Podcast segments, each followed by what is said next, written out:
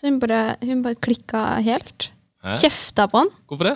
Mens han sto og skulle betale for en av de jævlig dyre kanelbollene hun solgte.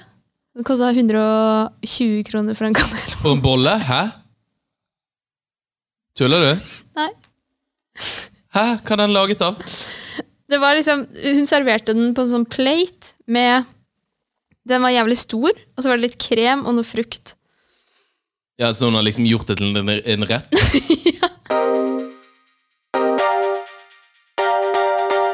Hei og velkommen til grottefest! Hei da. I dag så skal vi snakke eh, om løst og fast angående bruksvaner, følelser og merkevarebygging. Vanene våre har jo endret seg under koronapandemien, og noen bedrifter eller merkevarer har jo håndtert det litt bedre enn andre. Velkommen til Brukbart Simon. og Martine! Så, Martine. Hva har skjedd siden sist? Jeg har vært i Lofoten. Uh. Var det bra? Ja, det var det jeg venta på. At du skulle stille meg det spørsmålet. Uh, ja, det var veldig bra. To uker. Surfing, klatring, nordlys. Lite grann, i hvert fall. Du ser, du ser det jævlig bra på kamera. Ikke så godt i virkeligheten, men man så det. Nydelig. Ja. Eh, men greia er, ikke sant, når du kjører til Lofoten, som vi gjorde, så kommer du til Bodø, og fra Bodø så må du ta en ferje over. Og i våre dager så er man jo vant til at eh, kundeservicen er on fleak, ikke sant? At Mm. du har et sted å spørre om det er noen problemer. Vi kommer til Bodø, vet at ferja går om to timer, og det er ganske fullt i denne ferjekøa. Så det står sånn Moskenes, og så er det lane 1, 2, 3, 4, og så var det noe som var sånn reservert. Og så tenkte vi, vi har ikke billett, så da stiller vi oss der, men vi vet ikke om vi kommer på. For vi var sånn line 3 i midten, på en måte. Og blir sittende der i to timer, prøver å liksom finne ut av noe informasjon, og så er det ingen som kan svare på noe som helst. Og vi det ender med å liksom gå til kiosken og spørre han som står bak der. Og han bare Nei, jeg vet da faen. og de har jo heller ikke peiling. Og så sa jo det sto sånn lapp 'Ikke spør kioskpersonalet om ferjeinformasjon'. Og da har du jo åpenbart et problem i utgangspunktet, når det er et problem. Hva er det de skal gjøre? Nei, altså vi bare sånn, vi skjønner ikke om når den går, når den kommer, eh, hva gjør vi? Liksom, det var ingen du kunne interacte med der, da. Og du fikk heller ikke bestilt billett online. Eneste du visste, var én tid. Vet du hva, Det er så sykt mye med sånn der bilkjøring fra i sommer. Uh, uten at man skal bruke sånn kjempemye tid på dette. Men i sommer så også var vi jo ute og kjørte bilferie. Hadde lånt bil uh, av min kjæreste sin mor, og hun har ikke autopassbrikke. Ja. Og plutselig, det, det gikk ikke opp med før vi skulle på en ferge da vi var kommet til liksom Sogn og Fjordane tidligere. Eh, det var sånn, Hvordan i helvete betaler vi for å komme på denne fergen her, liksom? Bare, Det står ingen informasjon om hvordan man betaler. Ble dritstresset, og så viser det seg for at alt går på autopass. Og så er det sånn Da gikk det opp med sånn Å, herregud, men vi har jo ikke autopassbrikke. Og bare Å, herregud, har vi kjørt ulovlig? Hva skjer? For, kommer det regning i posten? Eller det, blir det tatt bilde av? ja. bilnummer. Hvordan liksom funker dette her? Så jeg gikk jo rundt med sånn angstfølelse kjempelenge. For bare, jeg, jeg vet ikke. Men vi hadde akkurat samme følelsen da vi sto der i den fergekøen, og vi visste ingenting, da. Det er bare sånn hva, hva skjer? Hva skjer hvis ikke alle kommer på? Kommer det en ny ferje, eller må vi vente på den neste? Altså, vi skjønner jo at vi må vente på den neste, men da eh, Vi var liksom bil nummer to som ikke kom på. Bare sånn, hva skjer nå? Nei, da bare dro den, da. Og så bare sånn, neste ferje er klokka ett på natta. Jeg bare sånn, ja, hva gjør vi da? Må vi stå i den køen her? Går vi, drar vi ut? Og så, ja. Ja, Bytter man kø? Ja, det er sant. sant. Ja, det Eh, var masse greier. Men da reserverte vi, sto i kø. Og så første interaction, altså første touchpoint med selskapet, var at det kommer en fyr og slår på panseret ditt klokka halv ett. For å vekke folk utrolig gøy å tegne opp den kundereisen. Ja. Og så, en halvtime før, klaske på panseret. Det var akkurat det som skjedde. Forvirring, forvirring, forvirring. Sjokk. Det var litt uh, artig møte med Ferje-Norge, som Ja. alle har irritert seg over i sommer. Ja. Mm. 100 Ja. Du der, eh, Simon? Du, ikke så mye. Vi har eh, et lite hobbyprosjekt. Spilt inn en, en dansefilm. Eh, jeg danser ikke. Har laget musikken til den. Pew, pew. Uh, Ja da, Så den uh, kommer forhåpentligvis uh, i løpet av de neste månedene. For de som skulle være interessert i det. Dere får finne den på internett på en eller annen måte. det er seks minutter med dans til ukens rap. Ja. Og det hadde vært stilig. Ja. Så det du, har jeg gjort. Ja. flott. Mm. flott. Skikkelig flott. Men du er jo veldig flink på de greiene her nå. Ja, det begynner å komme seg. Ja. Så få se om det blir en musikkarriere i framtiden. Men i dag så skal vi snakke om eh, merkevarebygging, bruksvaner og følelser. Og endelig skal vi snakke om følelser. Ja. Det blir koselig. Yes. Eh, For i løpet av pandemien så har vi jo endret eh, bruksvaner i stor grad. Vi oppfører oss ikke- faktisk ikke på internett sånn som man pleide å gjøre. Dette har jo vi snakket litt om tidligere, men også mange har jo blitt litt sånn lyndigitaliserte. Alle har kommet seg over på videotjenester, det syns jeg er veldig deilig. Slipper å reise på møter og sånn. Men generelt sett så har man jo blitt mye mer digitale, i form av at mange av disse nye startupene som Kolonial, eh, legebesøk og alt sånn, har, har eh, kommet over på internett. Yes. Og i mye større grad blitt tatt i bruk. Vi har også fått eh, kanskje litt sånn større behov for fleksibilitet når man snakker om liksom tekstlig innhold på nettsider og sånn, at man trenger litt ekstra forsikringer, f.eks. For hvis du skal bestille en reise, eh, at man skal kunne avbestille ting, eh, utvidede garantier og sånt. Og få svar på ting, liksom. Kan jeg reise på ferie til Spania nå? Ja. Svaret er nei, men Det er greit å få liksom drøfta det. Ja. Og så har man jo endret rutiner i veldig stor grad. da. Eh, man har jo merket f.eks. podkasttall Ja. har eh, stupt. Jeg har jo nesten ikke hørt på podkast de siste månedene. Nei. Nå har jeg hørt masse på podkast, for jeg har sittet sikkert fire døgn i bil. Men ja. Sånn generelt, sant? for man reiser, har ikke trengt å reise til og fra jobb, eh, som er da folk stort sett konsumerer liksom podkastmateriale. Eh, strømming på videotjenester har jo gått opp som bare pokker. Hjemlevering, som vi nevnte, fra Kolonial. Foodora-regninga mi. Ja, skutt i været. Eh, også andre ting, som for eksempel at man har norgesferie istedenfor utenlandsferie. da. Nettopp. Jeg synes jo det har vært veldig interessant nå når vi plutselig skulle begynne å planlegge liksom en norgesferie, og så havner man inn på alle disse sånne Visit Norway-sidene som i utgangspunktet er liksom beregnet for et utenlandsk Mm. publikum. Ja, det er veldig Ja, ikke sant? For hva er det du assosierer med norgesferie, på en måte? Det er jo at du må ut i naturen. Du drar jo ikke på storbyferie til Ålesund. Nei, de færreste, eller no, noen har jo selvfølgelig gjort det. Eh, det var jo veldig rart da jeg var hjemme i Bergen, sant? Så, var utro, så møtte jeg utrolig mange mennesker Mm. på gaten, eh, liksom fra, som jeg kjenner fra Oslo. Og bare sånn, hei, shit, er du her, liksom? Så bare, ja, vi er bare på, på ferie her. Så ble jeg sånn, hæ? ja. ja, men det er rart, da.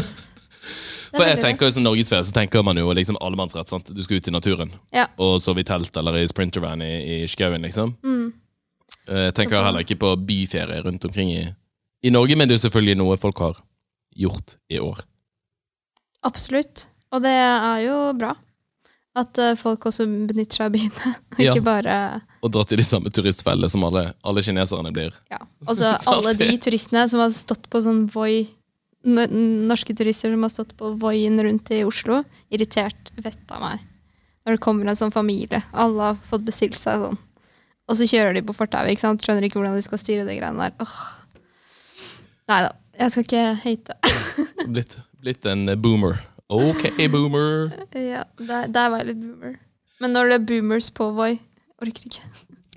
Men det som har vært litt gøy under denne perioden her, er jo sånn hvis man knytter det til på en måte merkevarer, UX og brukeropplevelse, at man har sett at det er ganske stor forskjell på de ulike selskapene, hvordan man har liksom for det første klart å snu seg rundt Ja. for å tilby nye tjenester og produkter og endre kanskje forretningsmodellen sin, eller måten man kommuniserer på. Uh, I stor grad liksom blant de større bautaene Mm. der de kanskje nye, innovative har klart å komme seg mye bedre ut Ja. av det. Og det tror jeg liksom kommer til å øh, reflekteres senere også, eller etter pandemien er ferdig. At de kommer sterkere frem, da. For liksom noe av det viktigste bak en merkevare er jo selvfølgelig identiteten man har, hvordan man oppfattes utad, men også på en måte hvilken posisjon man har. Om du er en en stabil, eh, sikker og troverdig eh, bedrift, eller om du er liksom kul og innovativ og framoverlent. da. Mm. Hvordan tro, tror du liksom at det har skilt seg ut, særlig de siste månedene? Så tro, tror du at det har hatt en effekt? Jeg tror det, altså jeg tror liksom folk har hatt bedre tid til å konsumere de tingene. Eller det har nådd kanskje litt mer frem, da, hvis det appellerer til situasjonen du er i. At du kanskje er litt mer sånn krisemodus og skal finne de rette tingene. Nå skal ikke jeg si så mye om de som faktisk har vært permitterte og sånn, men jeg tipper at eh, det budskapet har kommet gjennom på en annen måte, da. Når du sitter selv i en altså, gåsetegn krisesituasjon. Um, absolutt. Uh, kanskje det har vært en Ja. Jeg, jeg tror særlig sånn dagligvarehandel, da. Uh, hvis du ser på at det har blitt litt skummelt å dra på butikken. Kanskje ikke akkurat nå, men bare sånn, det var jo det i starten. Det var sånn, man, jeg så jo folk med hansker og munnbind. Og, og da er det jo mye lettere å bestille fra Kolonial, hvor de bare sånn Ja, vi tar en uh, Hva kalles det? Contactless-levering, da. Av varene.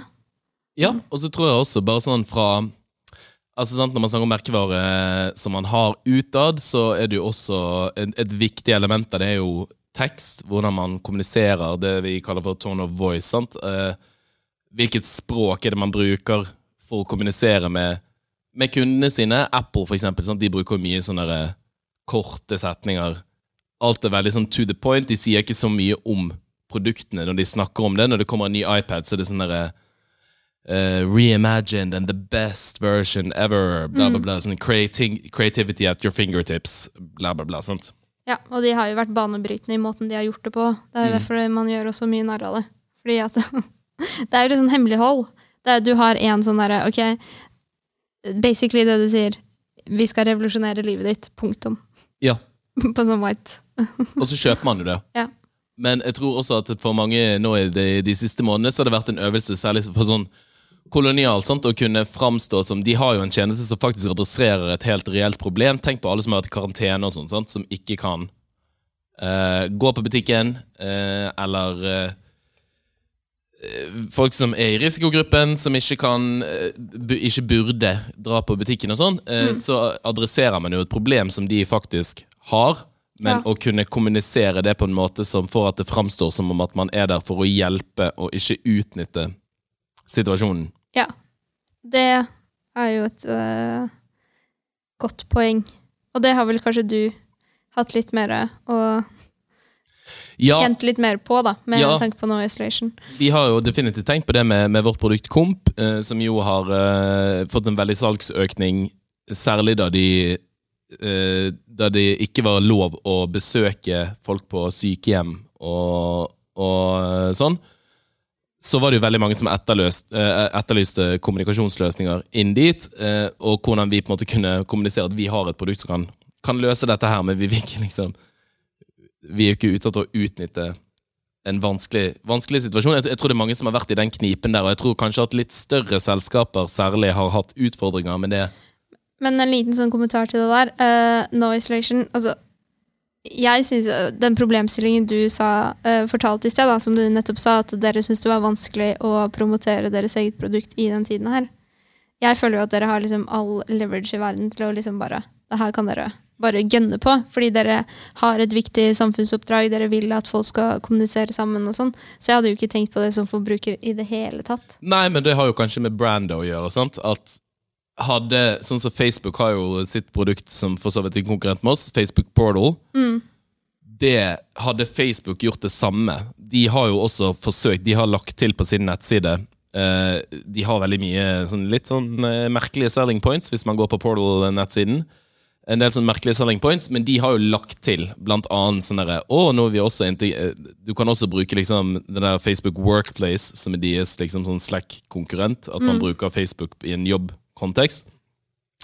Eh, og så er det en sånn stjerne som du må langt ned på nettsiden, der det står at det kommer først i sånn oktober i år. Men det har jo mye mindre troverdighet når de prøver å være veldig sånn behjelpelige. Ja. Fordi at brandet deres er ikke, Behjelpelig. er ikke behjelpelig, rett og slett. De er en markeds... Uh, Hva heter det for noe? Reklamested? Ja, og det skal jo ikke så mye til. Sant? Det er jo bare én sånn dårlig incident, eller dårlig presseoppslag, og så plutselig går jo brandet ditt fra å være veldig positivt til veldig negativt. Ja.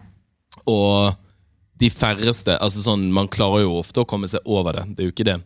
Men det er jo få aktører som har et så sterkt brand at man vekker tillit i alle liksom ulike situasjoner, og særlig når det er litt sånn der kriserammet. Mm. For eksempel sånn som Amazon har jo fått kjørt seg blodhardt under pandemien, fordi de har tvunget ansatte til å jobbe under helt uh, uanstendige vilkår. Mye går bare på å bygge opp den der latterlige formuen til Jeff Bezos, liksom. Så Amazon står jo ikke sånn, de er jo ikke sånn kjempebra. Men der tror jeg vi er liksom inne på noe altså at det er, Folk kan jo tenke den tanken ut fra hva de leser i avisen, og, og hva de konsumerer av nyheter om det brandet, da. Men det er sykt convenient. Så det blir jo en sånn kognitiv dissonans at du gjør noe annet enn det du egentlig mener, på en måte. Ja. Handler ut fra noe Ja. Ja, og det handler jo om liksom opplevelsen man har i møte med det merket. sant? Mm. Eh, som handler mye om sånn kundereisen. At jeg er jo tror jeg har nevnt før også, at mitt favorittprodukt som jeg eier, men så kanskje det jeg bruker minst, er min Kindle fra Amazon, liksom. Eh, E-bokleseren min. Elsker den. Synes det, det er helt sånn amazing produkt. Mm. Men jeg er jo egentlig ikke noen fan av Amazon. Nei, men du liker produktet, så da er det klart å Ja, jeg bruker den nesten aldri. Jeg leser nesten ikke. Men eh, det sånn Eh, Så de, de har liksom Opplevelsen av å bruke det er såpass bra, selv om Amazon-nettsiden egentlig også er helt sykt dårlig. Ja, ja. altså min opplevelse av Amazon i Norge er veldig, veldig dårlig.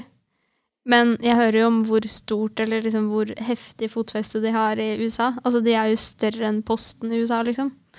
Um, så jeg bare ser for meg at de har en annen nettside i USA, for det kan ikke være den samme. Tror det er det, altså. Herregud. Den er helt vill, liksom. Ja, de har jo Craigslist også, da. Oh, ja, men altså, jeg tror ikke det er der de tjener alle pengene sine. Nei, absolutt ikke. Men bare sånn designer på Craigslist. Han nekter jo å gjøre noe med det. Ja.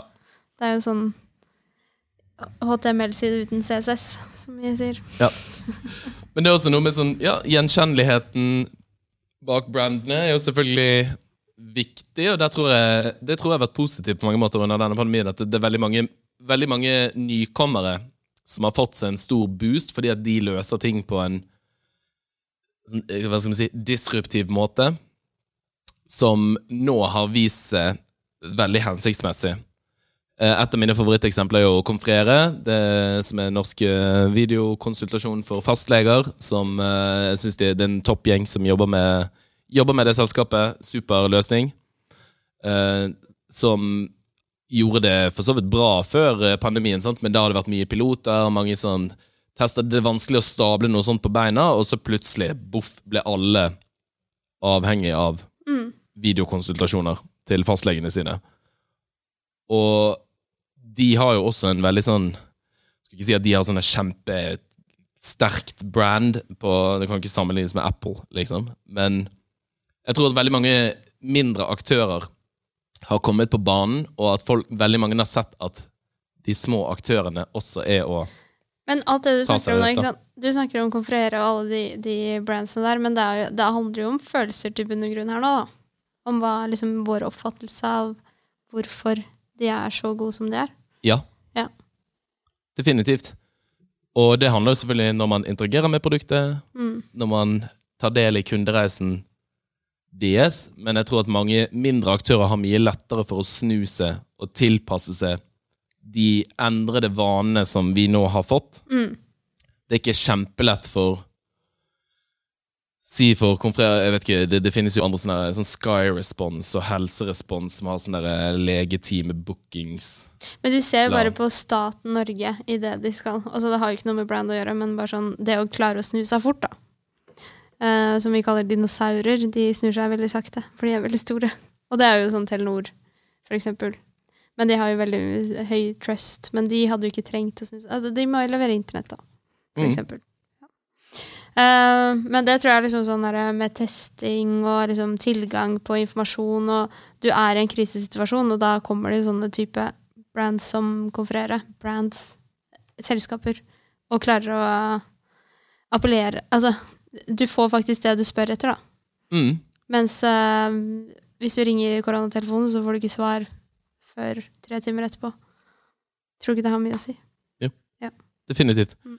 Og det blir bare veldig spennende å se hvordan disse her kommer til å liksom overleve utover den litt spesielle situasjonen man er i, og hvordan jeg tror, jeg tror mange av disse nye aktørene sant? Man har ikke vært så godt kjent med hvordan de funker. Alt som er nytt, er jo litt skummelt. Eh, det er ikke så mange som har tatt på seg å liksom reposisjonere seg nødvendigvis, som ofte når man gjennomgår en rebranding, Mm. så har det jo skjedd et eller annet sånn virksomheten har endret seg. Man ønsker å fornye seg selv. Mm. Eh, er det jo få som har gjort den siste tiden. Vi har jo vår mest lyttede episode om eh, da Vy Rebranda. rebrandet seg sjøl Ja. og skrev 'kult' på en knapp. Som fikk eh, vanvittig mye oppmerksomhet. Og at folk generelt sett har, har en sånn eh, det vi kaller for baby duck syndrome. Som jo handler om at man egentlig har sånn endringsaversjon. Mm. Og det virker det som at den pandemien har liksom røsket litt opp i, eh, og har rett og slett endret vanene våre og innstillingen vår til nye og mindre aktører som mye mer effektivt klarer å adressere faktiske problemstillinger og liksom situasjoner, da. Absolutt. Det var en god oppsummering. Bare babler i vei. Ja. Skal vi gå over på vår faste spalte? Ja. Nemlig Ukens rant. Yes. Ukens rant.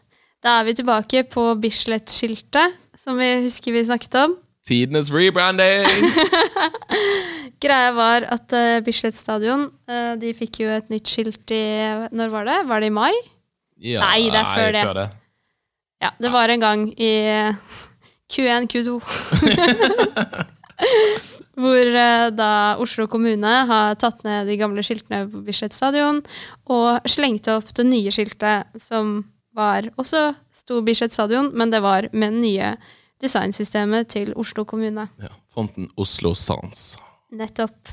Og da hadde de tatt det fra at det var liksom litt sånn grandiost med gullfarger, som det var liksom sånn som stadioner skal være, til at det var liksom sånn du bruker i apper, da. Altså det er uh, små bokstaver og tett inntil hverandre, så bare sånn Bislett stadion.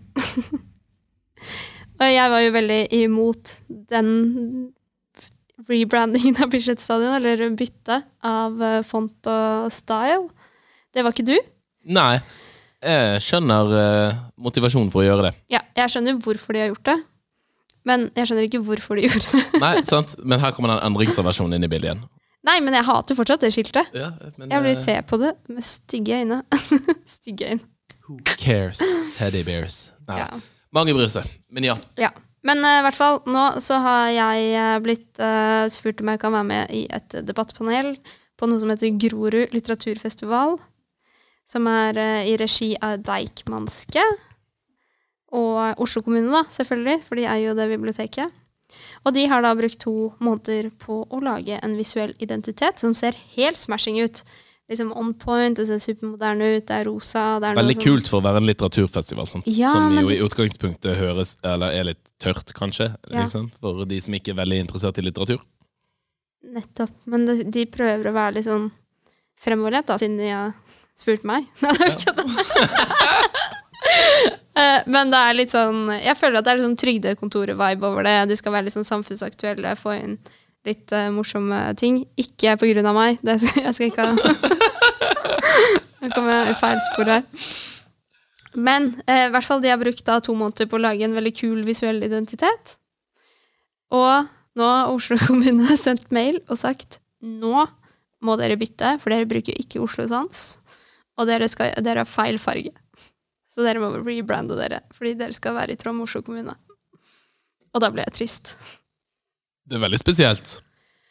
Det er en veldig, veldig sånn eh, slavisk oppfatning av hvordan et sånt designsystem skal brukes. Ja. Det er jo ikke et designsystem. Det er jo mer eh, En uh, visuell profil. Ja, men sant, det, det skal jo være rom for å lage ting som passer til det det skal være. Og så kan man jo si at den festivalen kan jo ha sin egen identitet som avviker fra Oslo kommune sin generelle profil. Ja, nettopp. Selv om det er i regi av Oslo, Oslo kommune, kommune, i bunn og grunn. som er eier av biblioteket. Det har jo ikke nødvendigvis noe med den festivalen å gjøre som sådan. Nei. Det er litt rart. Ja, jeg syns det er veldig rart, fordi det betyr jo også i fremtiden at du ikke har lov til å brande ting i regi av Oslo kommune på den måten du vil. Fordi at de har fått et så strikt design eh, Ikke designsystem, men uh, designmanual, da. Ja, ja. Mm. Og det syns jeg er trist. Og jeg ble litt sint. Og Ja, og for de som ikke har hørt det, det finnes en Jeg kan se om vi kan poste den linken på Facebook eller Instagram. Men eh, det eksisterte da en link som er offentlig for alle, der Oslo kommune har Det er liksom en, eh, en sånn eh, generator der du kan lage plakater og oppslag etter designmanualen til Oslo kommune, så du kan bare laste inn noen bilder, skrive tekst, bla, bla, bla, og så kan du velge liksom mellom ulike liksom, layouts på det, og så får du alt sammen i sånn Oslo kommune-stil. Så det betyr at du kan invitere til bursdagsselskapet ditt eh, med Oslo kommunefond. Du kan lage liksom hvilken som helst event, og så ser det ut som det kommer fra Oslo kommune. Åh, det skal jeg huske på sånn- neste gang jeg fyller 30, holdt jeg på å si. Ja, Er det veldig lurt å ha den offentlig tilgjengelig på internettet for alle å kunne bruke? Kanskje ikke. Eh, nei, men jeg blir liksom sånn irritert på Jeg forstår hvis du er et brand, sånn som vi har snakket om nå. Altså, du er eh, Flippa K, da. Eller Filippa K, er det du sier. Så forstår jeg bare sånn Ok, du skal lage plakater for dine ting fordi det er innenfor den Altså, det, det er det du skal annonsere for, men med en gang du har liksom tusen forskjellige ting du skal bruke den designmanualen til, så blir jo assosiasjonene liksom strukket veldig, da. Altså årsmøte på Katta VGS, jeg vet da faen. Eh, skal liksom ha samme brandingen som en litteraturfestival som prøver å liksom henvende seg til liksom yngre publikum og være litt sånn edgy. Ja. Så det skal være likt, da. Ja. Det er en veldig bokstavelig tolkning av hvordan liksom brandet og identiteten skal være. Ja. Det må tilpasses visse behov, og så kan heller logoen bestå. Nettopp på det samme Bislett stadion. Deichman skal vel ikke fått liksom Oslo-identiteten? Jo, de bruker Oslo-identiteten, utenom de har en egen logo. Ikke sant? Ja, så her eh, De bruker Oslo Sans. De skal være nye Helvetica her i Norge. Ikke Norge, Oslo. Ja, sant, så de bruker Bosfor-logoen, ja. Ja. sant. Mm, mm, mm, mm, mm. Mm. Det var det vi hadde for uh, denne uken. Denne to uken. Vi snakkes uh, om to uker. Gir ut hver eh, Nei, vi gir ut, Vi gir faktisk ut hver episode. ut Så gode er vi. hver episode annenhver søndag. Yes. Ha det bra. Bye!